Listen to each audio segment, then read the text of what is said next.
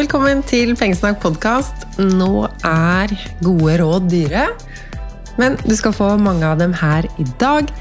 Jeg heter Lise Wermli Christoffersen, og jeg har alltid vært glad i å spare. Jeg elsker å lære ting om penger, økonomi, hvordan få mest ut av våre egne penger. Og det er tydeligvis du også, siden du har satt på podkasten her i dag.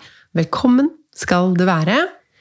Jeg skal snakke om hva du kan gjøre i høst for å ha, beholde eller få så god økonomi som mulig. Og hvorfor penger er viktig, trenger jeg vel ikke å si. Vi må ha penger for å bo, spise, gjøre helt vanlige ting. Og vi vil ha penger til mer valgfrie ting, som reiser og luksus og Det er så stor forskjell på å ikke ikke vite om du har råd til strømregninga, eller å vite at du ikke har råd, eller det å både ha råd, vite at du har råd, men at du også har penger på konto til ting som blir dyrere enn forventa.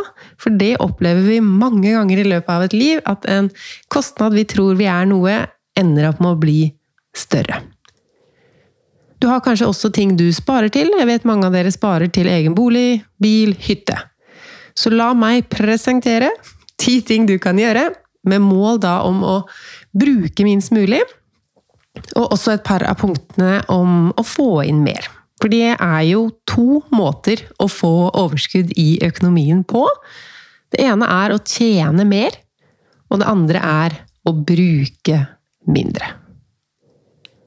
Du tar økonomiske beslutninger hver eneste dag. Noen ganger vurderer du om du skal ta med matpakke, eller spise lunsj ute, eller i kantina, eller sånn. Andre ganger vurderer du om du skal gidde å ta en kikk på forsikringsavtalene dine. Og hva er det som er mest lønnsomt av de to? Man tenker kanskje at det med forsikring er en mer sånn økonomisk bra ting å gjøre som er lønnsomt, eh, mens det med lunsjen er mer sånn hverdagslig. Men det med lunsjen, det kan jo skje hver eneste dag. Hva som er mest lønnsomt av de to, det spørs jo, da. Og er det faktisk noe å spare på forsikringene dine? Eh, finner du ut at du mangler en forsikring du kan komme til å trenge om en liten stund, så lønner jo det seg veldig. Men om alt er i orden med forsikringene Altså, ta gjerne en gjennomgang av forsikringene dere. Dette blir nå punkt nummer én på lista i dag. Eh, sjekk f.eks. Mange har jo forsikringer gjennom jobb. Eh, og hvis du er gift, hva har ektefellen din? Har du forsikring flere steder?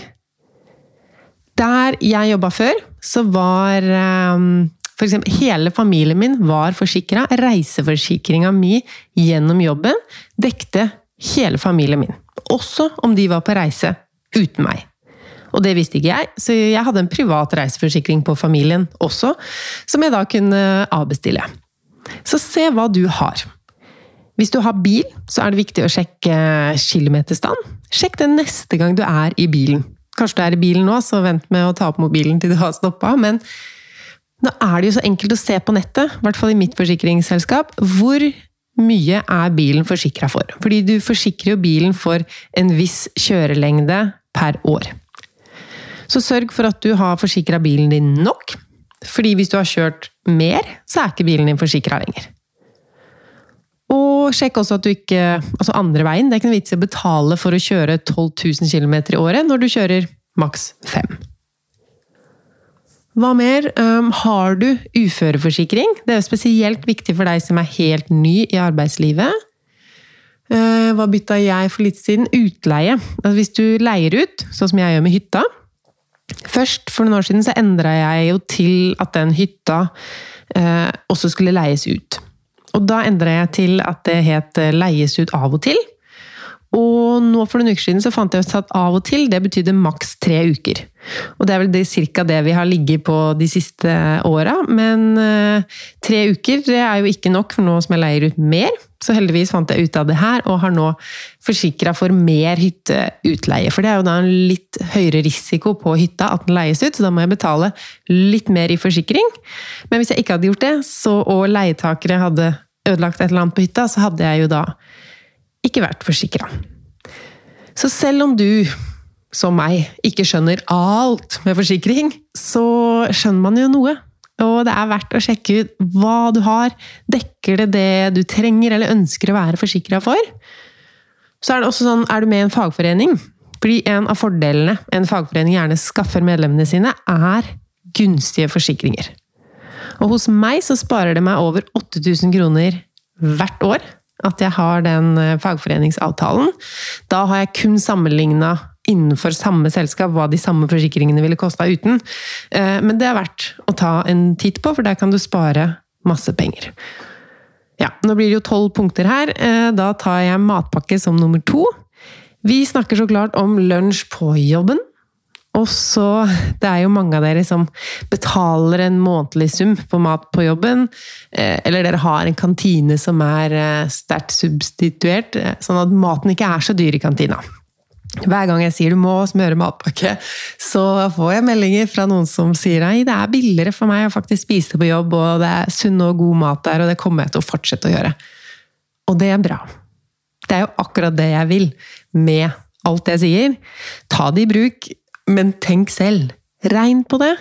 Eh, hvis det ikke lønner seg for deg å ha med matpakke, så ikke ha med matpakke på jobben. Men ta med matpakke når du skal eh, Hvis du skal på en bytur eller skogstur eller kjøretur, så vet du at du har med sunn og god og rimelig mat istedenfor å måtte stoppe og kjøpe noe som er dyrt, kanskje usunt, og heller ikke kanskje så godt. Eller kanskje godt, men dyrt og usunt. Eh, for matpakke gjelder ikke bare lunsjen. Ha med matpakke når du går ut, og i hvert fall vannflaske. Det er noe av det jeg liker minst å bruke penger på hvis jeg er ute et sted, er tørst og typisk har glemt vannflaske og måtte kjøpe, betale for vann. Det liker jeg ikke. Så jeg har med vannflaske nesten alltid, eh, og sparer jo en del på det, og slipper å måtte være tørst og leite etter et sted å drikke vann. Punkt nummer tre boliglånet ditt. Det er så mye å spare på å ha lavere rente på boliglånet. Og dere vet jo som meg at rentene går oppover, og da tenker man jo kanskje at eh, det er ikke noe å gjøre med det. Og har du landets laveste rente, så er det jo ikke noe å gjøre med det. Det stiger for alle. Men hvis du i utgangspunktet hadde en lånerente som ikke var så gunstig, så er det jo fortsatt noe å gå på for mange av dere. Så jeg pleier typisk å si hvis du ikke vet hva boliglånsrenta di er, så er den mest sannsynlig for høy. Det finnes flere steder på nettet hvor du kan sammenligne boliglånsrenter, legge inn hvor stort lånet ditt er, og Eh, hvilken rente du har i dag, trenger du jo ikke å legge inn, men du får jo se da, alle rentene, og så ser du hvordan din bank ligger an. Og da er det jo fra å ha funnet ut at du kan få lavere rente i en annen bank, så er det to muligheter her. Det første som jeg alltid gjør, er jo å snakke med min egen bank. Du, nå ser jeg at jeg kan få 2,3 i den banken, og jeg har 2,5. Din egen bank kan jo endre på din lånerente for å matche det tilbudet, for å da ikke miste deg som lånekunde i banken. Får du nei der, så kan du jo eh, bytte bank. Se om, eh, ta kontakt med den nye banken og se om du innfrir dems krav til den eh, laveste boliglånsrenta du har sett på Finansportalen sine sider, f.eks. Så har du en lavere boliglånsrente, betaler mindre hver måned eller du kan betale like mye hver måned, men da ha en kortere nedbetalingstid på lånet ditt. Også her må jeg dra inn det med fagforening. Grunnen til at jeg fagorganiserte meg, var jo faktisk lavere boliglånsrente og lavere pris på eh, forsikring. Eh, og på boliglånet så tror jeg det er 30 000 kroner i året rimeligere, fordi jeg får en lavere rente ved å være organisert. Punkt nummer fire, ting du kan gjøre for å få en økonomisk høst, er å jobbe med å betale tilbake dyr gjeld.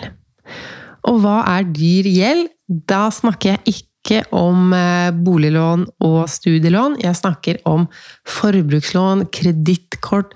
Har du kanskje noe sånn nedbetaling av noe som har en rente på 10% eller 20% eller 30% effektiv rente, kan det jo være på kredittkort. Det er dyr gjeld. Og det kan virke litt omvendt hvis du har La oss si du har tre millioner i eh, boliglån, og betaler eh, kanskje 10 eh, 000 på det i måneden, eller 15 000 på det hver måned, og så har du ja, 10 eller 20 000 kroner på kredittkortet ditt, og betaler bare et par tusen i måneden på det. Da virker jo det som om boliglån er dyrt, og kredittkortet er billig, men det er eh, renta som er med på å bestemme om det er dyr eller eh, billig lån. Og det er jo fordi at når du får rente på et beløp, så blir beløpet større. Og så går det litt tid, og så løper jo rentene videre. Da blir beløpet større igjen. Og hvis boliglånsrenta di er på et sted mellom 2 og 3% så øker jo da det lånet med 2 eller 3% mens de pengene du låner gjennom et kredittkort eller forbrukslån, de øker jo mye fortere. Så uansett hvordan det virker, kanskje litt dårlig forklart av meg her, så er det høyest rente som er dyrt å ha, så betal ned det først. Så betal minimumsbeløpet på eh, boliglånet ditt også, men jobb med å få vekk alle saldoer du har på kredittkort. Det er en god start på et bedre økonomisk liv. Punkt nummer fem er å se på inntekten og inntektskildene dine. Kanskje vi skal dele den i to. Eh, inntekt. De fleste av dere har en jobb. Er det sånn på jobben din at du vet at du har riktig lønn? Hvordan er det med disse lønnstrinnene? Ansiennitet? Er det noe du kan gjøre eller kanskje noe du allerede har gjort? Har du tatt en videreutdanning som du ikke har registrert i jobbsystemet ditt, som ville ført til at du gikk opp et lønnstrinn og dermed tjente mer? I det private der er det jo mer individuelt fastsatt lønn. Er det sånn at du leverer over forventning? Eller har fått utvida ansvar uten at det har skjedd noe med lønna? Se på det der. Og så eh, De fleste arbeidsplasser har mange fordeler og rettigheter. Jobben din betaler kanskje for internett hjemme, men det gjør de jo bare hvis du eh, sender det inn som en reiseregning, eller hva slags system dere har. Kanskje jobben din betaler helt eller delvis for eh, briller, om du trenger det for å sitte på PC. Trening, kiropraktor. Ting du trenger og bruker, men som du ikke visste at jobben din kan betale for. Sjekk ut det om det er en sånn personalhåndbok på intranettet. Og også sånn kjøregodtgjørelse, reiseregninger, Send inn. Det virker kanskje som små summer. Skal jeg gidde det, liksom? Ja, det syns jeg du skal gidde. Det er ikke riktig at du skal betale for ting med ditt private kort som, er, altså som du måtte gjøre pga. jobb. Send inn reiseregninger og få tilbake de pengene. Og så inntektskilder utenom jobben, da. Skal du begynne, eller fortsette for noen av dere, å tjene penger utenfor jobben. Jeg er jo veldig glad i å ha mange inntektskilder, mange måter å tjene penger på. Også fordi jeg vil teste ulike ting og liker å lære. Eh, med det sagt, det er ikke sånn at flere alltid er bedre. Hvis du har en fulltidsstilling og har et fullt liv med alt du driver med, eh, men har en jobb med en høy lønn altså Det er så klart mer lønnsomt å tjene én million på én jobb enn 10 000 på 15 ulike ting. Men kan du tjene penger på noe som eh, eh, Utleie er det første jeg tenker på nå, siden jeg nettopp laget en eh, video om Airbnb-utleie på YouTube. Leier ut hytta. Du kan jo også leie ut hele boligen din mens du f.eks. er på høstferie. Du kan leie ut et rom i helger. Um, andre ting kan man jo leie ut òg. Verktøy og friluftsutstyr. Jeg har leid ut en sånn reisebarnevogn som man kan ha med på fly. Ehm, det er også en video på YouTube med jeg tror det er 20 tips til inntektskilder. Det er flere av dem som jeg skal teste nå i høst, så det kommer mer innhold på um, inntektskilder på YouTube-kanalen. Men om du har en eller annen hobby som du kan uh, Altså om det er å binde fluer til fluefiske. Det er så mye små ting man kan tjene penger på. Det er mye man kan tjene penger på på internett. Det er egentlig bare fantasien som eh, setter grenser. Og eh, finne ut et eller annet du kan gjøre eller lære bort som noen andre vil betale for. Så kom jeg til et punkt om bil. Eh, og da, det første jeg tenkte på da, var det med å kjøpe seg en ny bil. Ikke bytt bil i høst uten at det er en veldig god grunn til det. Det er så dyrt med bil, og veldig sjelden lønnsomt å bytte bil. Og hvis du først har en bil, eh, eller spesielt hvis du har to, må du ha to. Mange familier i Norge må faktisk ha to biler. Eh, men hva med den tredje bilen? Det koster mye å ha en bil eh, som står der også synker i verdi, det er eh, årsavgift, forsikring.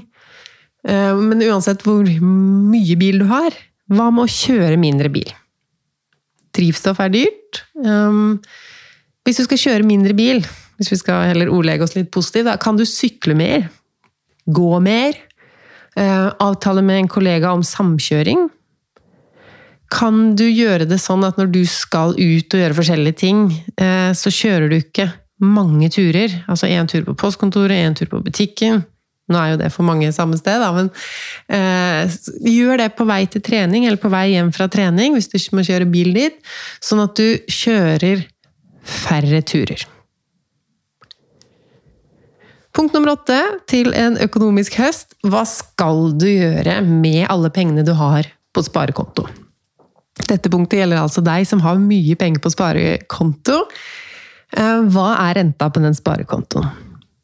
Hvis du har hørt før at eh, penger taper seg på sparekonto, så gjør de det nå i litt større grad enn de eh, siste årene. For det vi snakker om da, er inflasjon. Og det handler om at hvis du har 100 000 kroner på sparekonto, så har du også om fem år 100 000 kroner på sparekonto, men pga. inflasjon så får du kjøpt færre varer og tjenester for de samme pengene. Altså De 100 000 de heter fortsatt 100 000. Det er ikke sånn at banken eller staten eller noen trekker fra de 100 000, men de er mindre verdt. Du får ikke kjøpt like mye. Så har du mange penger på sparekonto, så er det jo kanskje fordi du sparer til et kortsiktig mål, eller du liker å ha en stor bufferkonto. Da får du lov av meg å ha penger på sparekonto. Men skal du kanskje tørre å investere noen av pengene dine? Da er det ikke sånn at du må investere 100 000 kroner og så sitte og krysse fingra for at akkurat den aksjen du har valgt, eh, skal gå bra. Det jeg eh, Jeg begynte å investere, var kanskje ikke hundrelapper, men tusenlapper. Om du kan investere 500 kroner i måneden og da ikke velg et enkelt selskap hvis du ikke har veldig eh, god kunnskap. Da burde man heller ikke investere så små beløp, men du kan investere altså Istedenfor å prøve å slå børsen, så kan du investere i hele børsen. Og det er det vi kaller for eh, indeksfond. Da har du spredt investeringen din på mange, mange, mange, mange, mange selskaper. Og det som gjelder da, er å være i markedet med de pengene lenge. Så hvis du tar og setter opp et fasttrekk, 500 kroner til et eh, indeksfond globalt, så er det ja, risiko. Det er alltid risiko for å tape penger i aksjemarkedet, men du har da investert i kanskje 1000 eller 1500 selskaper i eh, hele verden, og du trenger ikke å ta de ut hvis de taper seg i verdi. Det du kan vente, og vente og vente, og en vakker dag så har de pengene blitt mer verdt. Kanskje ikke så mye hvis du ikke har investert så mye, men å tørre å investere med litt mindre beløp Du kan investere ned til 300 eller 100 kroner i måneden i noen fond. Det er spennende. Det er læring. Og pengene dine, i hvert fall hvis det har gått sånn som det alltid har gått før, da, vokser over tid. Så eh, les deg litt opp eh, på fondsinvestering. Det er ikke så skummelt som eh, mange tror, men det er risiko, ja. Eh, hva du skal investere i mm, Nå har jeg jo sagt det som typisk ekspertene sier, og du kan høre på jeg tror det er episode 120 av Pengesnakk podkast. Da har jeg besøk av en økonomiprofessor som snakker om hvorfor globale indeksfond er en så grei og fin investering, og hvorfor det ikke bare er for nybegynnere, men eh, at det er jo sånn Norge investerer. Investerer i masse, masse greier, og langsiktig over tid. Så Punkt nummer ni klær og shopping. Skal du ha en økonomisk høst, så er ikke klær og shopping det du skal drive med. Jeg tenker sånn Nå skal jeg påstå noe. Du klarer deg uten nye klær i høst. Og hvis du veit med deg selv at nei, det gjør jeg faktisk ikke, så gjør du ikke det. Men da går det an å kanskje bytte låne, eller bytte med Har du noen venner med samme størrelse, kan dere ha sånn klesbytteparty. Eh, kjøp brukt. Oppsøk bruktbutikker eller apper. Eh, nå kjøpte jo jeg fire nye klesplagg i sommer, altså helt nye fra en butikk. Så gjør som jeg sier, ikke gjør som jeg gjør. Eh, hvis du vil spare penger og miljø, og roe ned livet litt Shopping er jo masete. I hvert fall for min egen del så får jeg mye mer glede av minimalismen, da, å ha færre ting, enn å stadig kjøpe, kjøpe. Hva kan jeg kjøpe nå? Har det kommet noe nytt i butikkene? Hva kan vi gjøre hvis vi er vant til å shoppe og gå i butikker er litt som en hobby? Hva kan vi gjøre isteden? Kan du begynne å gå eh, turer som ikke er forbi handlesteder? Kan du lage deg en luksus matpakke og spise på en benk istedenfor å skulle gå på kafeer? Kan du begynne å bruke biblioteket? Både som en aktivitet, du kan gå dit, men også for å kunne lese bøker og få en fin høst foran kanskje peisen, hvis du har vedfyring og sparer på strømmen. Um, ja, biblioteket.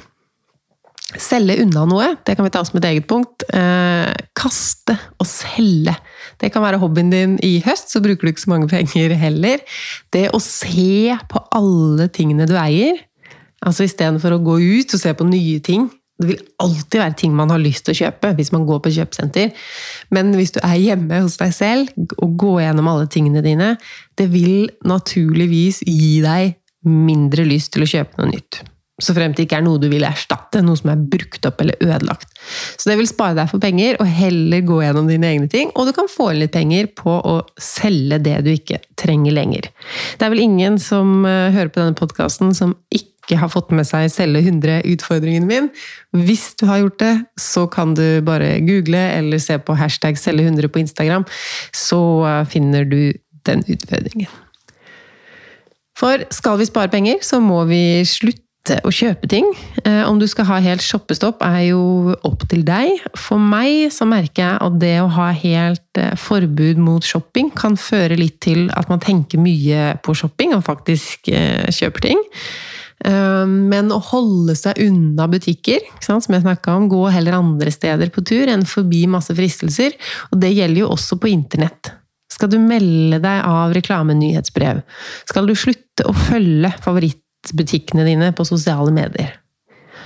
Og har du lyst til å handle, kanskje nå i høst at du skal tenke på julegaver litt tidlig? Finne ut hvem du skal kjøpe julegave til, kanskje sette opp et cirka budsjett eller hva du har tenkt å bruke.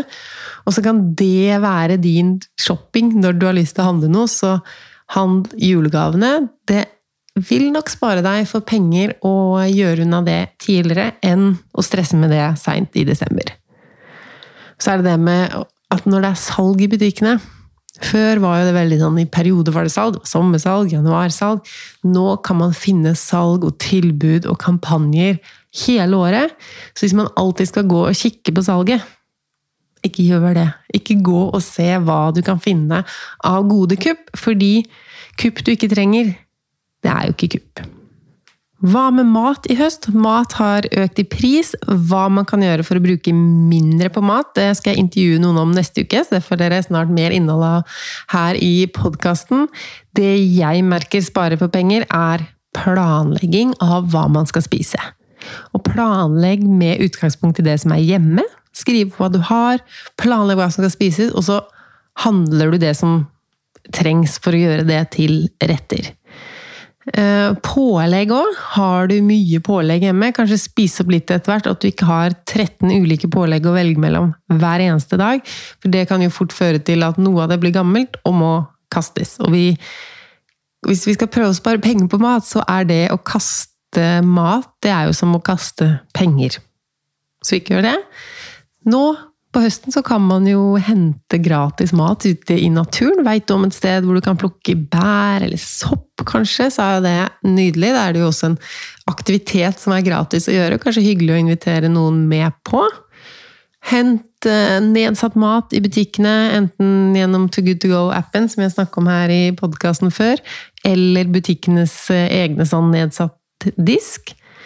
Spis mer hjemme enn du spiser ute, er vel òg et godt råd når det gjelder å bruke mindre penger på mat. Så tenkte jeg på sånn eh, skjønnhet og velvære. Hvis du må, eller vil, spare masse penger i høst, så kan du jo prøve å klippe håret selv. Det har jeg en video om på YouTube, så hvis du har sånn langt, vanlig hår som meg, så kan du få fremgangsmåten der. Eh, legg din egen neglelakk, eh, hårfjerning, andre ting du bruker av behandlinger og ting. Gir det deg masse glede, og du har råd til det, fortsett med det for all del. Men har du det litt trangt, eller vil spare penger til et stort uh, sparemål, så kan det være verdt å tenke gjennom om du heller skal prøve å gjøre disse tingene selv. Jeg må også nevne strøm. Strømregningene er jo ikke noe man gleder seg til, som regel. Og for å få lavere strømregning er det egentlig tre ting som gjelder. Det første er strømavtalen din. Ja, strømmen er dyr, men det er allikevel forskjell mellom ulike eh, tilbydere. Så sjekk at du ikke har en dyr avtale, og sjekk at du ikke har en avtale med masse tilleggsavtaler som du betaler 10 kroner og 30 kroner for hver måned, uten at du engang veit hva det er. Så ta en titt på den strømregninga. Eh, det er mange selskaper som har veldig hva skal si, ulogiske navn på ting. Så sjekk opp hva slags avtale du har, og hva du betaler for.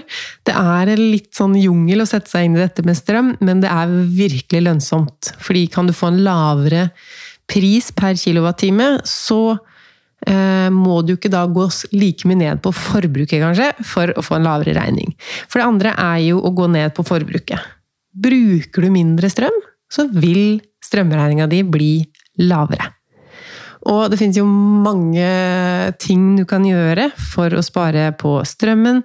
Oppvarming er jo en stor en, så spesielt nå om vinteren. Eh, men se også på alle mulige andre småting. Jeg kan linke også i episodebeskrivelsen til en eh, video om strøm som jeg har på YouTube-kanalen. Der er det masse, masse tips om eh, ting du kan gjøre. Så er det jo også sånn at prisen på strøm varierer gjennom døgnet. Eh, og de variasjonene er jo sånn at når mange bruker mye strøm, typisk eh, om morgenen før vi drar på jobb, og om ettermiddagen når vi kommer hjem, alle begynner å lage middag og lade biler og gjøre alt det der samtidig, da er eh, prisene gjerne høyere. Men dette svinger også avhengig av faktorer som jeg ikke veit heller, så har du en sånn app eller sjekker på nettet når på døgnet bør du sette på vaskemaskin og oppvaskmaskin, og hvis du skal ta deg et bad eller hva du vil, eh, så er det faktisk mye å spare på f.eks. alltid lade bilen når strømprisen er som lavest. Det ble 13 ting, eh, men la meg si en ting til før jeg lar deg gå for å teste ut noe av det her. Eh, jeg har eh, laga punktene, eller det vil si, jeg skal lage det, men når du hører på dette, så har jeg laga det. Et blogginnlegg. Så på pengesnakk.no så kan du gå inn og få det her lista opp for å se hvilke tiltak du skal starte med, uten å måtte høre hele episoden på nytt. Eh, men jeg må også nevne planlegging som Altså, planlegging er så nøkkelen til en god økonomi. Og da mener jeg ikke nødvendigvis at du må planlegge å se så mye på tallene dine, eller lage budsjett og sånn, men rett og slett å være litt i forkant for å unngå kostnader. Er du f.eks. litt bekymra for at det sosiale blir veldig dyrt i år, så vær i forkant. Har du barn, så eh, inviter barnas venner på noe gratis før de blir invitert av dem til trampolinepark eller annet som koster mer enn du har eller vil bruke på aktiviteter nå. Sammen med oss voksne. Så jeg sa invitert til Gåtur med termoskaffe før de andre rekker å invitere deg på brunsj ute som koster mer. Eller den bærturen for å fylle opp fryseren med blåbær som du kan bruke til smoothies. Det er jo også en hyggelig ting å gjøre sammen. Det er lett å sammenligne seg med andre og alle de flotte tingene de gjør og har. Men er det deg? På en måte Er det de samme tingene du har lyst til å bruke både penger, men også tiden din på? Hvorfor sammenligner du deg med akkurat de du sammenligner deg med? Kanskje du skal finne noen du faktisk liker eller ser opp til når du sammenligner? Og husk at du ser gjerne det folk bruker penger på, men du ser ikke hva andre sparer inn på. Kanskje bruker du mer enn dem på andre områder av livet. Men planlegging Planlegg feriene dine i tide for å få det billigst mulig alt mulig. Planlegg maten du skal spise og handle. Planlegg eh, klær, spesielt til deg med barn som har eh, de vokser jo, og så skal de ha klær til vinteren. Planlegg det i litt god tid, så du rekker å søke etter å finne det brukt eller på salg, istedenfor å være i siste liten og måtte kjøpe da det nyeste og dyreste. Planlegg gaver. Som jeg sa, må du, eller har du lyst til å handle litt i høst, så kan du tjuvstarte litt på julegavene. Det er veldig deilig når desember kommer, og du slipper det stresset og utgiften da. Så ja, ikke la pengebruken din bli noe som du ikke følger med på i høst. Mange ting er dyrere enn i fjor av ting du kan kjøpe, eh, og må kjøpe, som mat eller drivstoff. Boliglånsrenta fortsetter oppover, og det blir høye strømregninger i vinter også. Så veldig bra at du har hørt på i dag. Om du så bare gjør én eller to eh, ting for økonomien din, så er det bedre enn ingenting. Aldri tenk at små tiltak eh, ikke monner. Fordi det er de små hverdagsavgjørelsene. Fordi du gjør mange små ting, og du gjør de små tingene daglig eller ukentlig eller månedlig, så har det mye å si ja. Jeg ønsker deg en god uke. Jeg legger link til nyhetsbrevet mitt i episodebeskrivelsen. Så får du e-post om jeg har noe smart å dele, eller har laget en ny video til deg, eller noe sånt. Vi høres igjen neste mandag. Trykk på abonner-knappen, så kommer episodene opp hos deg der du hører podkast. Hvis du hører på i iTunes-appen, blir jeg veldig glad om du trykker på fem stjerner, eller legger igjen en liten anmeldelse. Eller hva heter det? Review. Eh, eller bare forteller en du kjenner om en episode av podkasten her du vil anbefale. Tusen, tusen takk.